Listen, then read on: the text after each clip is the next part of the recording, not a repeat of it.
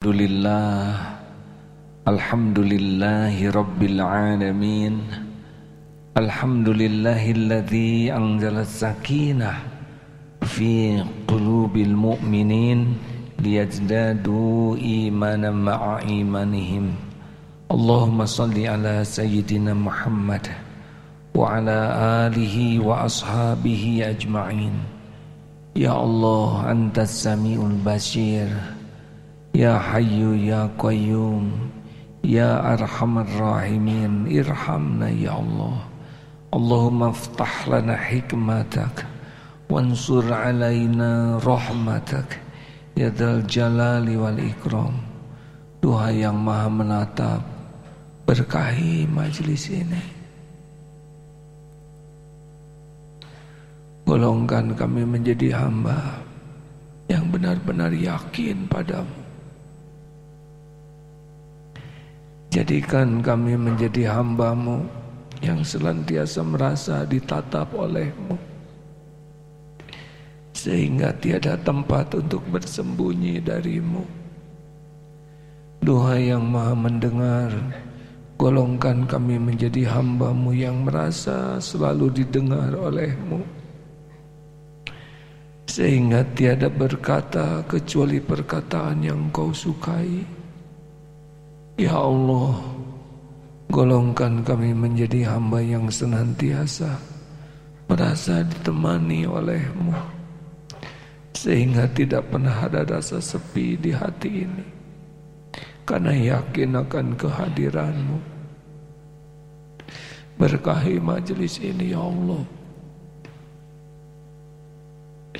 Bagaimana kami bisa mengenalmu seandainya engkau tidak membuka hati kami Allahumma inna nas'aluka imanan kamilan wa yaqinan sadiqan wa qalban khashian taqabbal minna ya arhamar rahimin innaka antas samiul alim wa tub alaina innaka antat tawwabur rahim amin ya rabbal alamin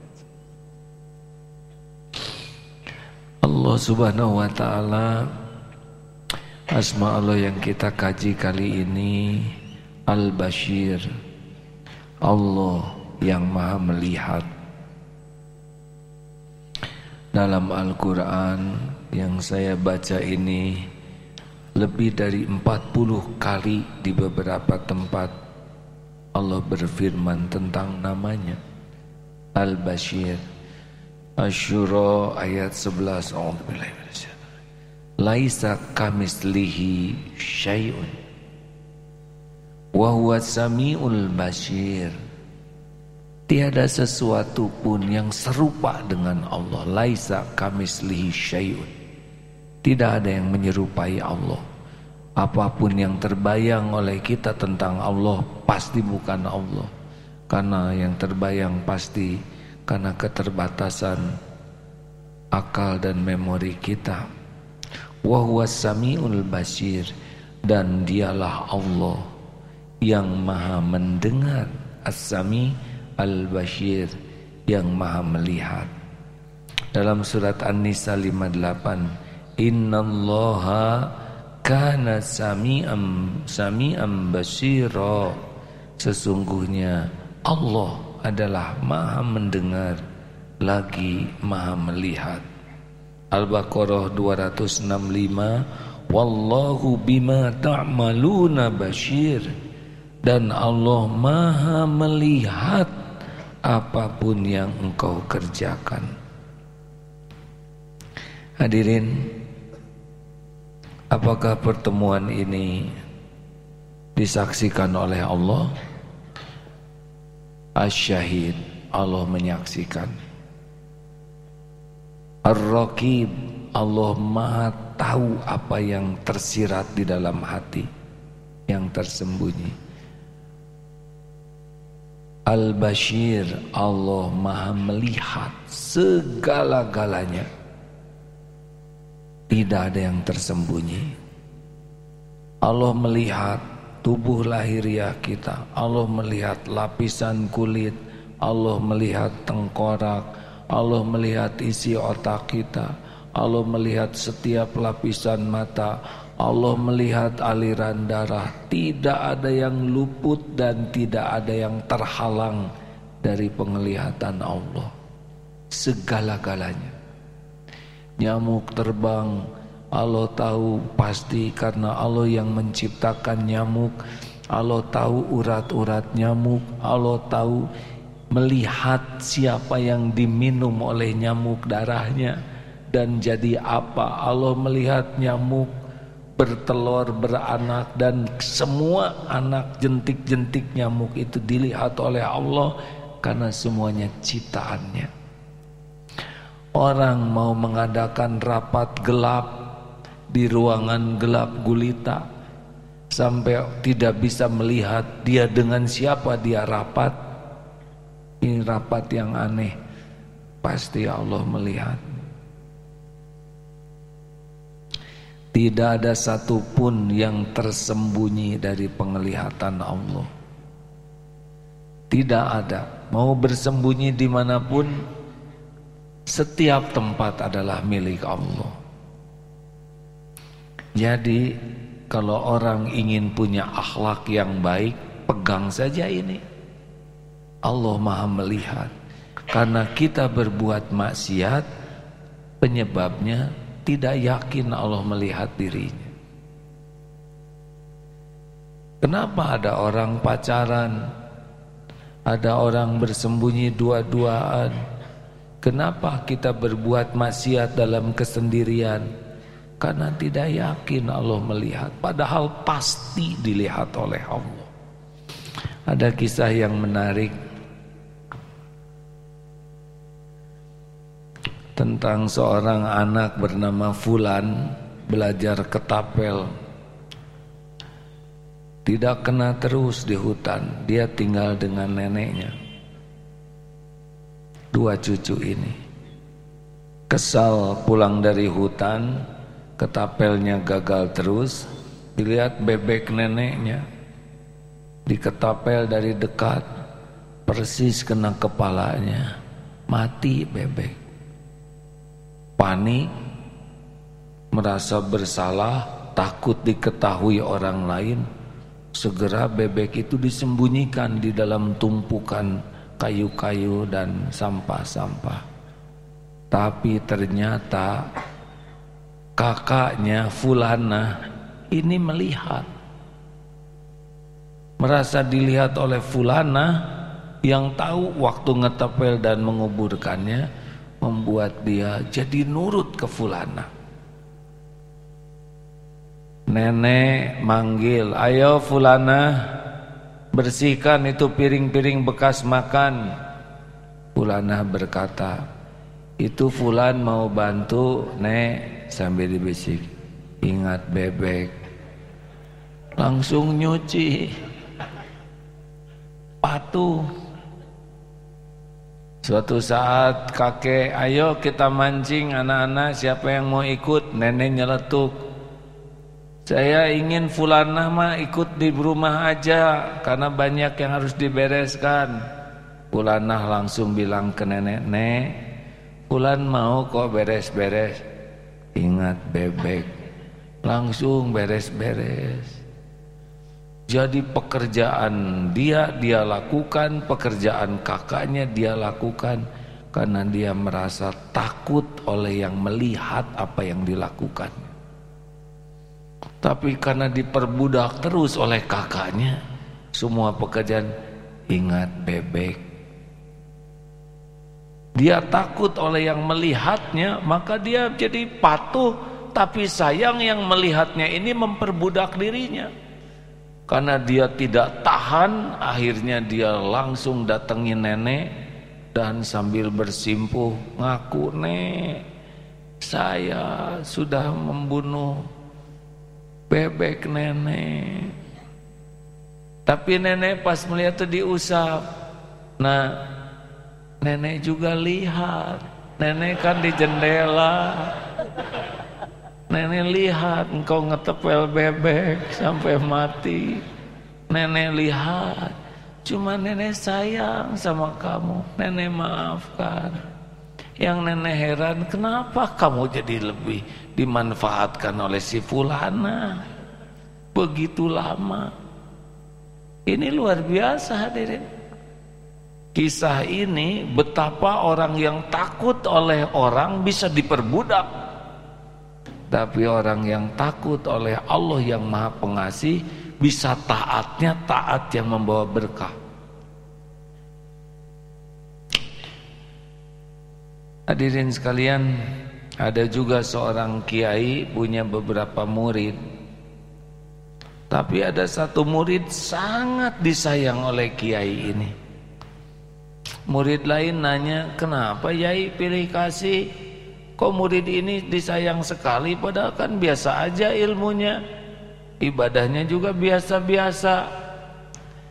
Coba kalian sudah diajari nyembelih ayam. Kita akan makan ayam. Sok bawa ayam masing-masing. Tuh ada tiga. Bagi-bagi seorang satu. Cari tempat sembelih yang tidak ada yang melihatnya. Pergilah tiga atau lima santri ini bawa ayam kemudian beberapa waktu kemudian datang semuanya tuh dengan ayam yang sudah disembelih kecuali satu di mana disembelihnya? Di kolong. Nggak ada yang lihat, tidak ada. Kayak. Kamu disembelih di mana? Di hutan, sepi. Semuanya punya alasan. Kenapa ini kamu tidak sembelih? Saya tidak mendapatkan tempat yang tidak dilihat siapa pun. Karena di mana-mana selalu ada yang melihat Allah yai nah bedalah makomnya jelas hadirin jadi kalau ingin punya akhlak yang baik belajar ilmu tentang tauhid asma Allah Allah maha melihat dan bermujahadah bersungguh-sungguh all out melatih diri untuk yakin kita dilihat Allah. Berhenti tuh maksiat. Malu. Allah melihatku Allah menatapku Allah menyaksikanku Allah senantiasa bersamaku. Di mana maksiat kan? Lagi buka HP, Allah melihatku. Aduh ya Allah, yang ini mah jangan dilihat, biar saya aja malu. Allah tahu apa yang kita lihat, benar? Ada yang suka berbuat maksiat sendirian di kamar. Ah, Allah tahu apa yang dilakukan di kamar. Dan gampang bagi Allah membukanya. Tinggal lupa ngunci. Atau dibikin ketiduran buka video yang ngaco. Hmm, kasih ngantuk. Hmm, geletak video. Datang bapak Gusti ya Allah astagfirullah. Udah teh ngeres. Dilihat oleh bapak yang Allah juga lihat. Dan ternyata nurun itu hadirin. Allah tahu bapaknya tukang error. Kenapa pada nunduk begini han seperti yang menjiwai ini nah hadirin sekalian dalam surat Atur ayat 48 nanti kalau yang dalam-dalam panjang-panjang Ustadz nanti yang bacakan pakai suara yang indah. Saya yang pendek-pendek saja. Wasbir li hukmi rabbik wasbir li hukmi rabbika fa innaka wa ayunina. Dan bersabarlah dalam menunggu ketetapan Rabbmu maka sesungguhnya kamu berada dalam penglihatan kami kami ini Allah subhanahu wa ta'ala jadi begini, misalkan kita sakit. Allah tahu persis si kita sakitnya seperti apa. Menggigilnya Itu Allah tahu demamnya, menggigilnya, bahkan bukan hanya tahu suhunya, karena naiknya suhu juga izin Allah. Sampai sakit ke mana pun, tulang-tulang ngilu, semuanya Allah tahu dan Allah melihat. Allah juga mendengar ucapan halo, halo, ada yang gitu. Ayah cilaka si aing mah, ada yang begitu. Ah, mending kena maut ada. Tapi yang astagfirullah ya Allah. Astagfirullah. Ampun ya Allah. Allah menyaksikan. Dan Allah tahu ambang sakit yang kita rasakan karena dia yang menciptakan sakit. Dan ada saatnya pertolongan Allah dalam bentuk apa pun dan dia tidak menyia-nyiakan hamba-hamba yang bersabar. Makanya sing sabar. Kalau sakit itu lebih banyak ingat Allahnya daripada ingat penyakitnya. Dan setiap sakit itu ingat dosa yang sedang digugurkan oleh Allah. Dan ketika sakit itu ingat pahala yang dijanjikan oleh Allah. Kalau ingat sakitnya sendiri tidak jadi selesai. Tapi ingat gugur dosa jadi tobat. Ingat pahala jadi syukur. Ingat sakitnya saja tidak jadi apa-apa selain jadi mengeluh. Sama yang broken heart, patah hati yang ingin menikah dan ternyata jadi menikah tapi dengan temannya. Waduh. Itu remeknya hati. Allah tahu. Kok Allah tahu sih hati? Lah hati kita bikinan dia dan remeknya hati pun izin Allah. Kenapa hati tercabik-cabik? Karena Allah tahu hati kita lebih nempel kepada si dia daripada Allah penciptanya. Dan Allah menyaksikan selama jatuh cinta kepada dia itu banyak perbuatan yang Allah tidak suka. Nah Allah gugurkan dosanya lewat pedihnya. Broken heart. Allah tahu dia berwudu atau ngebentur-bentur kepala ke tembok. Ada yang aduh ya Allah perih ya Rob. Allah mendengar dia nyebut perih hadirin. Ambil wudu, gelar sajadah. Allah tahu pikirannya tidak khusyuk, tapi yakin Allah menghargai dia berwudu.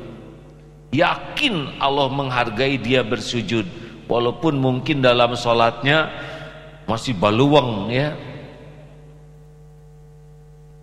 dan tidak ada yang sia-sia. Allah melihat semuanya. Termasuk virus corona. Corona. Virus corona ini mutlak ciptaan Allah. Siapa yang bisa menciptakan virus selain penguasa langit dan bumi. Virus corona itu dilihat oleh Allah karena dia yang ciptakan. Atau kenapa ya ayah? Allah menciptakan jangan kenapa, apa hikmahnya? Kalau kenapa kita tidak bisa tanya, kenapa Allah menciptakan ini? Jangan di luar di luar wilayah kita untuk memper kenapa Allah menciptakan saya bukan itu sekarang apa yang harus kau lakukan? Udah jadi gitu. Jelas hadirin banyak pelajaran dari virus corona. Bagaimana yang sempat kita dengar sebuah negara merasa terkuat dengan bala tentara hebat dengan ekonomi yang raksasa ternyata kasih itu belabakan mendengar berita mengurung sekian banyak sekarang terkurung. Ya kita tidak tidak menjadi puas dengan penderitaan. Tidak tidak di sana ya. Kita harus ikut sedih. Walaupun belum mengenal Islam tapi mereka manusia seperti kita. Jangan merasa puas rasain tidak boleh. Coba kalau kita saudara tinggal di Wuhan. Hah? tidak milih kan jadi orang Wuhan betul? Jangan jangan jangan mu puas diri. Satu sisi kita belajar hikmah jangan sombong jangan adigung tapi tetap rasa kemanusiaan kita harus ada melihat penderitaan. Berat hadirin sekarang yang berangkat dari Cina dicurigai benar? Oh tidak nyaman itu. Padahal mereka makhluk yang sama seperti kita. Ingin bahagia, ingin sehat, ingin selamat tapi mungkin belum sampai hidayah kepada mereka. Kalau ada kesempatan kita membantu, bantu harusnya bukan mu puas tahu mu puas? Apalagi yang dagang masker dimahalkan. Waduh mumpung mangpang mengpeng masker 2000 berapaan sih asalnya? Kan? Jangan masker 1000 mah tuh tisu. Dijual 50 ribu jual 100 ribu Oh kata corona teh iya ya mana ya korongan hadirin. Hati-hati semuanya dilihat oleh Allah. Siapa yang kena pasti dengan izin Allah. Siapa yang meninggal pasti dicabut nyawanya oleh malaikat atas perintah Allah. Tidak boleh kita ingat corona tidak ingat Allah tidak boleh. Salah. Aduh saya takut Virus itu ya berlindung kepada pemilik dan penciptanya. Corona tuh virus itu tidak bisa menyentuh kita kecuali dengan izin Allah. Gimana dong ah, caranya? Pelajari apa yang oh ternyata makan hewan sembarangan. Oh ternyata tangan sering kotor. Kan ada tuh penelitian orang yang tangannya ini roti, ini nyata hadirin roti tidak disentuh. Roti ditempelkan ke tempat komputer apa tuh? Keyboard komputer tempelkan. Roti dipegang oleh tangan. Roti dipegang oleh tangan yang sudah dibersihkan dicuci. Roti ya, cuci pakai sabun dipegang oleh tangan yang sudah pakai apa tuh? Hah? Aisyah ya. Yang gampang atau hadirin. Dibiarkan beberapa hari ternyata roti itu membusuk. Yang paling busuk yang disentuhkan ke tempat uh, keyboardnya komputer karena banyak orang. Yang tidak cuci tangan itu juga banyak jamurnya. Yang paling bersih adalah yang paling sering cuci tangan orang Islam lima kali wudhu sering cuci tangan. Ternyata sering kumur-kumur juga bersih. Apalagi kalau sambil bersihnya bagus mandinya bagus makanannya bersih doanya kuat Masya Allah. Tidak tidak akan kena tanpa izin Allah Kalaupun takdirnya kena, mungkin itu kalau dia beriman, Allah akan menghabiskan dosanya dengan sakit itu. Dan mungkin dia akan mencapai derajat kedudukan yang tidak tercapai oleh ibadahnya dengan sakit itu. Atau mungkin Allah mewafatkan dalam kebaikan, jangan suudon.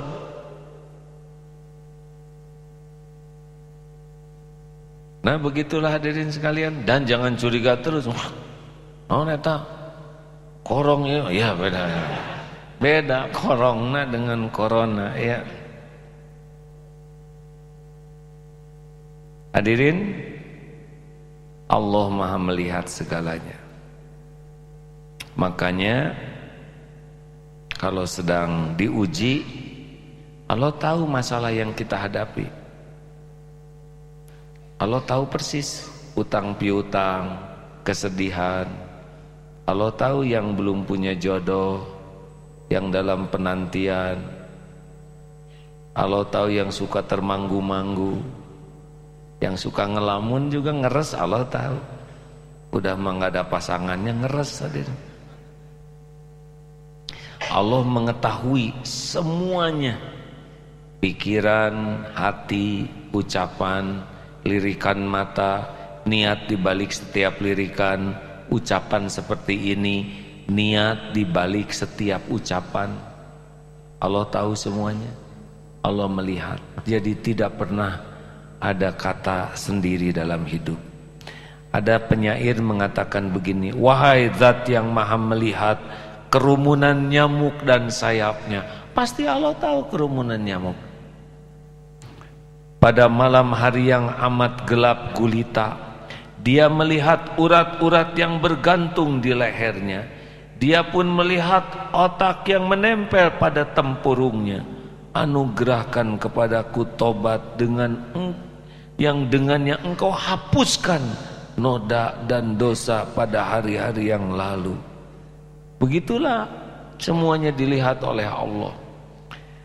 Saya akan minta tolong pahami menayangkan ini ya. Saya kira ini dahsyat sekali tayangan ini. Maaf sebentar.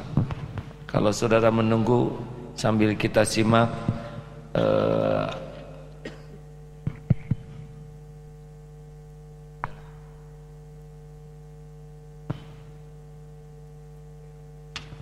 Bentar.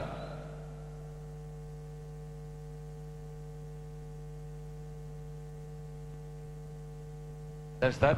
Tes Al-Mujad Al-Mujadalah ayat 7. Al-Mujadalah ayat ayat 7. Silakan. Al-Mujadalah surat, surat ke berapa? Surat ke-58 ayat 7. A'udzu billahi minasy syaithanir rajim. ألم تر أن الله يعلم ما في السماوات وما في الأرض؟ ما يكون من نجوى ثلاثة إلا هو رابعهم. ولا خمسة إلا هو سادسهم ولا أدنى من ذلك ولا أكثر إلا هو معهم أينما كانوا. ثم ينبئهم بما عملوا يوم القيامة. Inna Allah bikulli syai'in alim. Tidakkah engkau perhatikan bahwa Allah mengetahui apa yang ada di langit dan apa yang ada di bumi? Tidak ada pembicaraan rahasia antara tiga orang Melainkan dialah Allah yang keempatnya dan tidak ada lima orang melainkan dialah Allah yang keenamnya. Dan tidak ada yang kurang dari itu atau lebih banyak melainkan Allah pasti ada bersama mereka di mana pun mereka berada. Kemudian Allah akan memberitakan kepada mereka pada hari kiamat apa yang telah mereka kerjakan. Sesungguhnya Allah maha mengetahui segala sesuatu. Masya Allah. Jangan pernah merasa ngobrol berdua itu tidak ada yang dengar selain berdua. Allah yang ketiganya. Dalam rapat itu jangan merasa rapat ini luput dari pendengaran Allah. Kalau sedang rapat Allah memperhatikan siapa yang rapat. Allah memperhatikan ucapan-ucapannya. Dan Solusi yang baik itu hanya datang dari Allah. Makanya kalau rapat jangan sok pinter. Rapat itu awali dengan minta tolong ke Allah. Sambil rapat juga sambil minta tolong kepada Allah. Karena Allah melihat kita sedang rapat. Dan selesai rapat juga minta tolong ke Allah. Kalau azan berkumandang, selesaikan itu. Maaf, berhentilah rapatnya. Segeralah sholat. Karena Sholat yang akan mendatangkan pertolongan Allah bukan rapat. Sehebat apa pun rapat kalau Allah tidak menolong tidak bisa terjadi sesuatu. Hadirin, mari terus dizikirkan dengan dilatih yakin di mana pun kapan pun. Al-Bashir Ya Allah engkau melihat diriku Engkau mengawasiku. Asyahid Engkau menyaksikan segala-galanya yang kulakukan. Ya Allah Ar-Raqib Wahai Allah engkau mengetahui segala isi hatiku Pikiranku Segala yang tersembunyi. Tidak ada yang tersembunyi bagimu. Mau tidur Ya Allah Terima kasih atas semua nikmat yang kau berikan. Engkau tahu hamba jarang ingat padamu Astagfirullah Kau tahu maksiat yang dilakukan sepanjang hari ini Astagfirullah. Engkau tahu semua kebohongan-kebohongan Astagfirullah. Ya Allah. Minta dibangunkan Mintalah ke Allah. Ya Allah bangunkan saya jam 3 Saya ingin tahajud. Kau pasti mendengarkan. Tidak usah nepuk-nepuk bantal tiga kali Tidak ada kaitan. Nggak ngepek hadir Set alarm jam 3 Jangan heran Jam 3 kurang 5 bangun. Menit lagi tidur aja.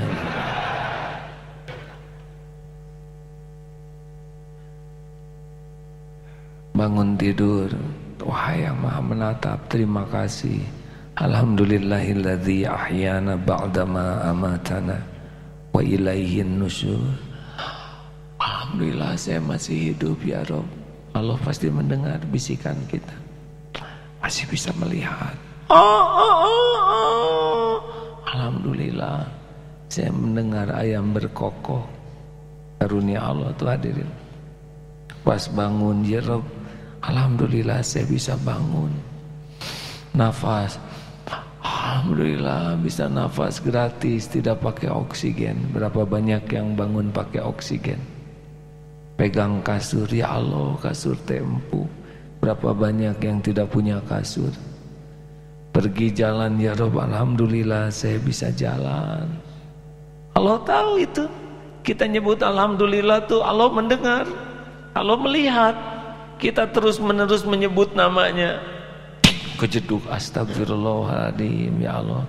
Dasar jidat maksiat Sering mikir ampun ya Allah ampun ampun Pernah ada suatu saat ini kisah nyata bapak-bapak mau tahajud padahal. Malam-malam masuk ke musolanya pas sujud apa nih empuk dingin. Rupanya lagi flu dia kurang peka hidungnya. Ternyata kucing hadirin setor di sana. Tapi si bapak ini mikir astagfirullah selama ini saya pikiran kotor dan zolim ke kucing kucing lapar nggak dikasih makan ada suka ditakut-takutin pakai sapu cek kucing lah cuman minta asin dikit nih ngancam pakai sapu gitu. Dilempar pakai sepatu. Si bapak ini nangis nggak bisa apa-apa tuh dikasih eh, ucing di sini hadirin. Ya Allah astagfirullah. Begitu kalau ada kejadian tuh mau masuk ke toilet? Allah tahu kita masuk ke toilet. Mau wudhu Alhamdulillah ya Allah terima kasih. WC-nya dekat. Gimana yang gak punya WC betul? Ada air. Gimana yang gak punya air? Masya Allah selesai wudhu jangan suka nyepak-nyepak tempat. Ini ya sajadah ujungnya ngelipet pakai kaki deh Allah lihat mending gak sopan pisan ke Allah ya atau perbaiki pakai tangan yang bagus. Kan Allah lagi melihat kita mau tahajud benar? Pakai minyak wangi supaya harum ya Allah. Pakai baju yang rapi. Jangan sampai uh, sekenanya aja ya. Iya pakai baju yang rapi. Kenapa ketawa ya nggak apa kadang-kadang ada yang beda ya Minta tolong ke Allah supaya diberi kehusuan. Kalau bisa HP jangan dekat ya. Kalau udah buka HP, udah itu. Terus, terus broadcast bangun. Bangun sahabatku. sepertiga malam terakhir saat mustajab pada dia mah nggak sholat terus weh gini Allah melihat tipu ya lagi sholat nangis khusu ya Allah. Tiba-tiba bangun orang tua atau pendamping hidup. Ada air mata di sini. Jangan acting ya. Allah lihat ini lagi acting. Lagi nangis. Iya pak. Mendoakan bapak. Eh tipu yang Itu air mata bekas menguap. Allah juga tahu bukan sedih Enggak boleh tipu-tipuan gitu ya Asli semua tuh ya Setuju? Enak hadirin Terus we merasa dilihat Allah Katanya begitu yang sudah ma'rifat tuh Saya baru ingin seperti itu tapi kalau sudah selalu merasa dilihat Allah, sibuk tuh dengan Allah tuh benar. Ya Rob. Ustaz wa idza sa'alaka ibadi. Kalau orang sudah yakin dengan ayat ini, oh, tidak terlalu tertariklah sibuk dengan penilaian makhluk. Fadhol Ustaz. Surat Al-Baqarah ayat 186. أعوذ بالله من الشيطان الرجيم وإذا سألك عبادي عني فإني قريب أجيب دعوة الداع إذا دعان فليستجيبوا لي وليؤمنوا بي لعلهم يرشدون Dan apabila hamba-hambaku bertanya kepadamu wahai Muhammad tentang aku maka sesungguhnya aku dekat aku kabulkan permohonan orang yang berdoa apabila dia berdoa kepadaku maka hendaklah mereka itu memenuhi perintahku dan beriman kepadaku agar mereka memperoleh kebenaran. Tuh begitu wa idza sa'alaka ibadi anni fa inni qarib.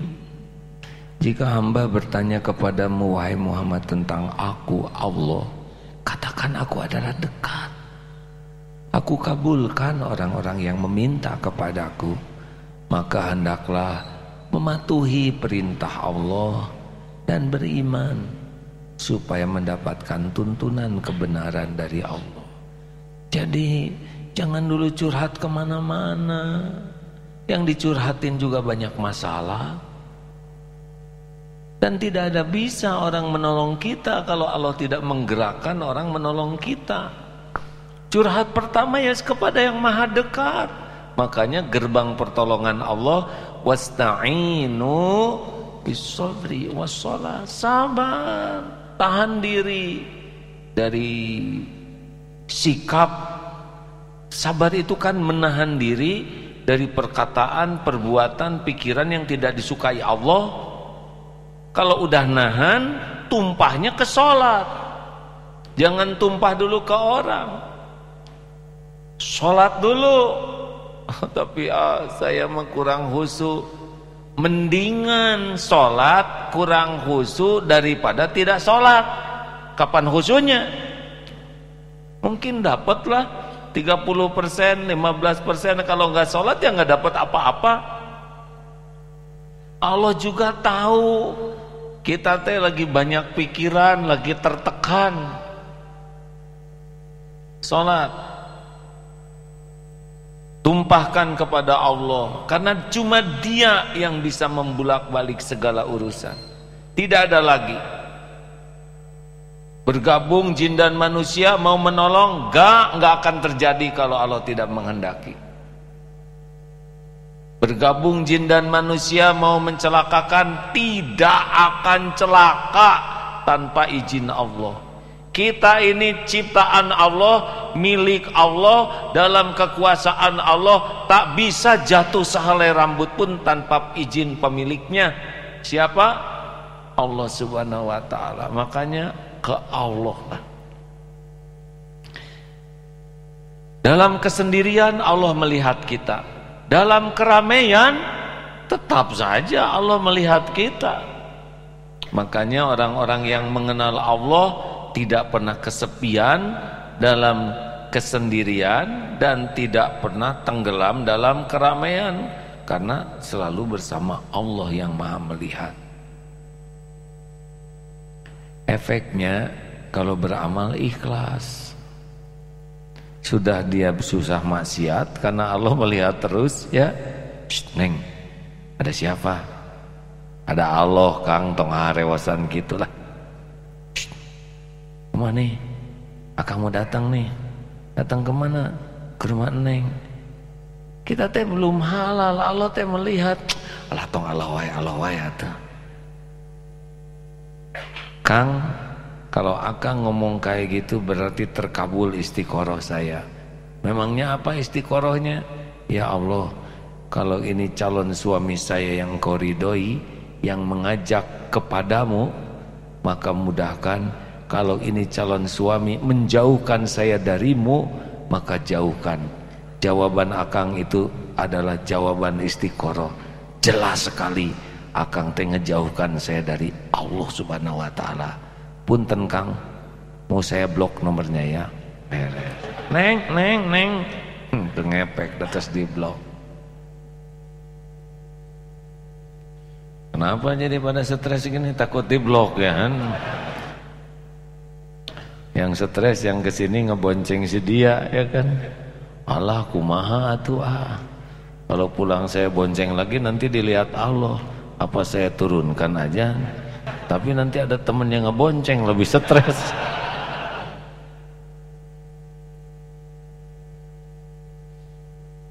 Kalau beramal sudah waqafa billahi syahida. Cukup Allah aja yang jadi saksi. Orang lain mau lihat mau nggak lihat gak ada masalah. Allah pasti lihat. Orang lain mau tahu mau tidak tahu ya nggak apa-apa. Yang penting mah Allah pasti sudah tahu Betul? Orang lain mau berterima kasih atau tidak, eh bukan urusan kita. Itu mau urusan beliau. Urusan kita, amal kita diterima Allah. Orang mau mencemooh amal kita, ya nggak apa-apa. Yang penting kita perbaiki terus supaya Allah ridho. Betul? Ah, gimana nih? Kalau saya melakukan sesuatu tidak salah tapi di kantor saya disalahkan, tenang, dah Allah tahu. Misalkan di kantor ada kehilangan barang, kita dianggap tertuduh, saudara ya? Tidak, Pak. Dan jangan emosi, tenang saja. Alhamdulillah.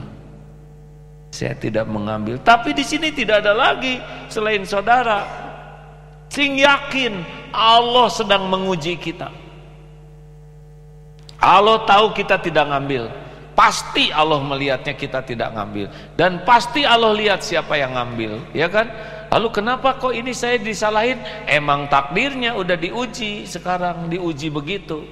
Episodenya oleh Allah kita diuji sekarang uh, di disangka ngambil padahal kita enggak. Tenang, tenang hadirin. Allah pasti menyaksikan. Dan Allah tahu ketika kita diinterogasi. Ngambil ya. Gak, Alhamdulillah Pak. Saudara jangan bohong. Tidak, tidak bohong. Saya tidak percaya kepada saudara. Ya, enggak apa-apa Pak. Silakan saja. Karena yang paling penting Saya mengatakan yang sebenarnya. Dan saya yakin Allah akan menolong saya. Hanya saya lagi diuji saja begini. Allah mendengar setiap ucapan. Allah menyaksikan tuh setiap obrolan. Dan Allah tahu keyakinan di hati setiap hambanya. Oh gampang nanti Allah buat jalannya yang menunjukkan bahwa saudara tidak mengambilnya. Enak kan kalau yakin begitu? Halo? Orang yang yakin mah ajeg hadirin. Gimana kalau saya dipecat dari kantor? Belum tentu, siapa tahu naik pangkat sesudah itu. Tenang saja hadirin. Ah, saya benar-benar di PHK ah, karena saya tidak mau ngaku. Insya Allah Allah mengeluarkan saudara dari tempat itu mungkin akan memberi pekerjaan yang lebih berkah. Kita udah jujur, kita disangka, kita di PHK, tenang. Yang membagikan rezeki itu Allah Subhanahu Wa Taala. Emang kalau di PHK rezeki langsung mampet? Ini teh pertanyaan, jawab hadirin. Kan? Emang rezeki dari Allah harus dari pekerjaan itu? Enggak, kalau PHK langsung enggak ada rezekinya atau yang di PHK pada meninggal. Berapa banyak yang gara-gara di PHK malah jadi punya perusahaan sendiri? Iya kan? Tenang hadirin, Allah satu-satunya pembagi rizki, penguasa yang menahan, membuka. Ini ada hati, ada ayatnya. Sebentar ya. Nah kalau nunggu begini saudara istighfar, jadi jangan mikir nggak jelas ya. Tadi ada di sini hadirin. Oh, surat Al-Isra ayat 30, Ustaz. Al-Isra ayat 30. Inna rabbaka tes. A'udzu billahi minasy syaithanir rajim. إن ربك يبسط الرزق لمن يشاء ويقدر إنه كان بعباده خبيرا بصيرا Sesungguhnya Rabbmu Allah subhanahu wa ta'ala melapangkan rizki kepada siapa yang dia kehendaki dan menyempitkannya. Sesungguhnya dia Allah maha mengetahui lagi maha melihat akan hamba-hambanya. Jadi kalau kita bokeh Allah udah pasti tahu. Gak usah banyak doa abdi teh bokeh mohon. Asli hadirin kita lapar Allah juga tahu dan Allah satu-satunya yang membuka, melapangkan, menutup. Ini ada kejadian menarik nih hadirin di New Zealand. Alhamdulillah saya baru kembali dari New Zealand dan Perth, Australia.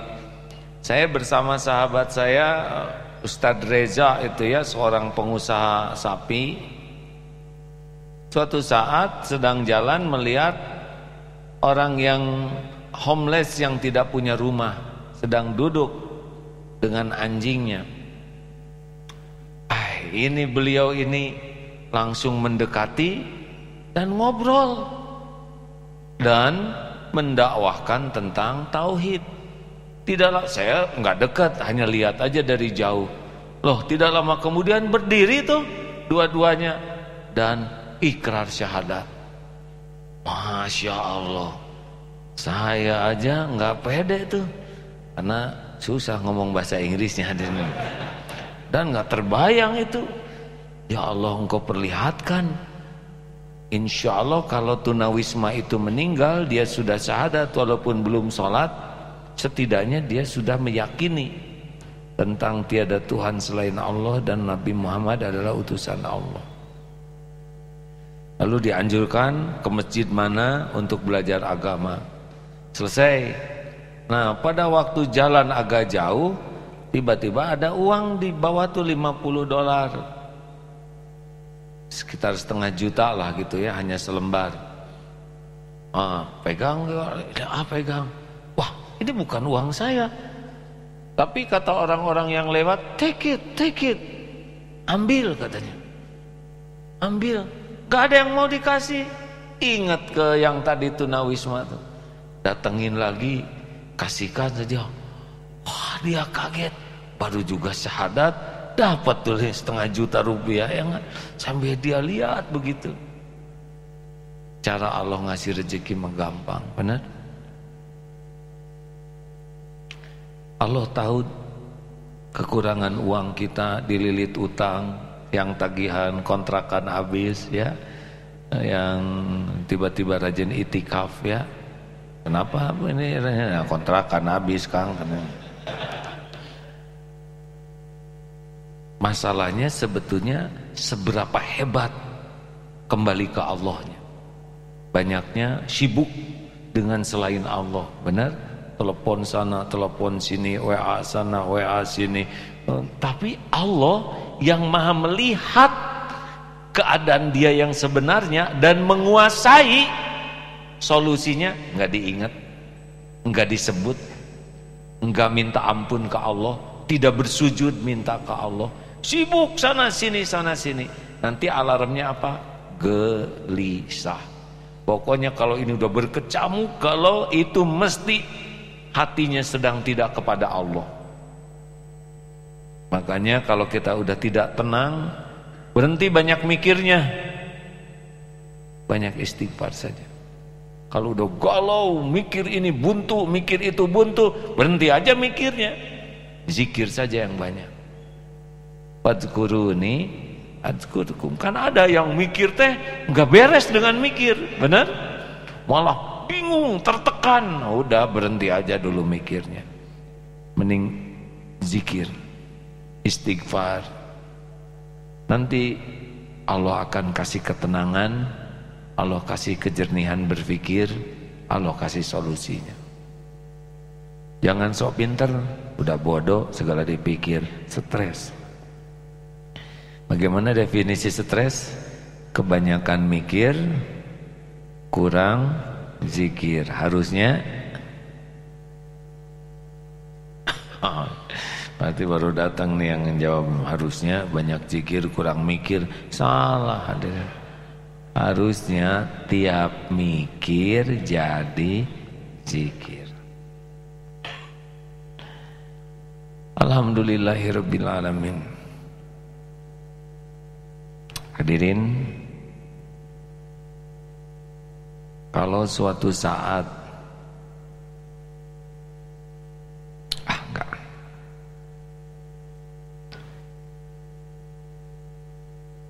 Saya pasti suatu saat tidak akan ada lagi di kursi ini. Mungkin karena ajal datang, benar? Mustahil hidup selama ini tidak. Atau mungkin ada tugas yang lain, ya. Saudara akan teruji apakah datang karena makhluk atau karena Allah, gitu.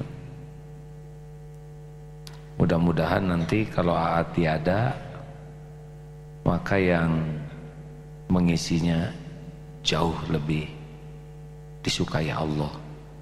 Karena bukan perkara jago bicara Tapi perkara disukai Allah atau tidak. Mungkin ada yang tidak terkenal Tapi Allah suka sekali. Sehingga ucapannya diberi kekuatan oleh Allah. Dan Allah takdirkan kita bisa tergugah dan berubah. Tidak harus terkenal. Saudara juga tidak tahu siapa guru saya, betul? Dan guru A juga sangat tidak mau diperkenalkan kepada yang lain. Karena tidak penting bagi beliau diketahui orang. Yang penting ilmunya bermanfaat. Berusahalah datang kalau toh dirasa ada manfaatnya ya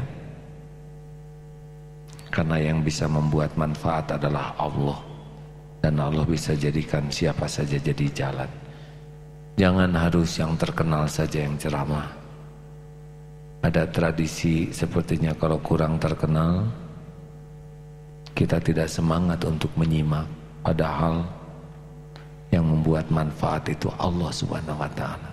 Dan Allah tahu perilaku setiap penceramah setiap saatnya. Allah tahu niatnya berceramah. Allah tahu apakah dia mengamalkan atau tidak yang dia ceramahkan. Ya? Dan Allah tahu apakah ceramahnya itu untuk nyari dunia atau cari kedudukan di sisi Allah Allah tahu semuanya nah ada orang-orang yang ikhlas tulus. Dan tidak harus lama ceramah tuh. Kadang-kadang hanya beberapa patah kata saja bisa membuat kita berubah. Jadi kalau suatu saat A tidak ada lagi di sini baik sementara ataupun selamanya kalau toh ada manfaatnya tempat ini datang saja. Siapa tahu bisa lebih mencintai Allah Terima kasih hadirin sekalian.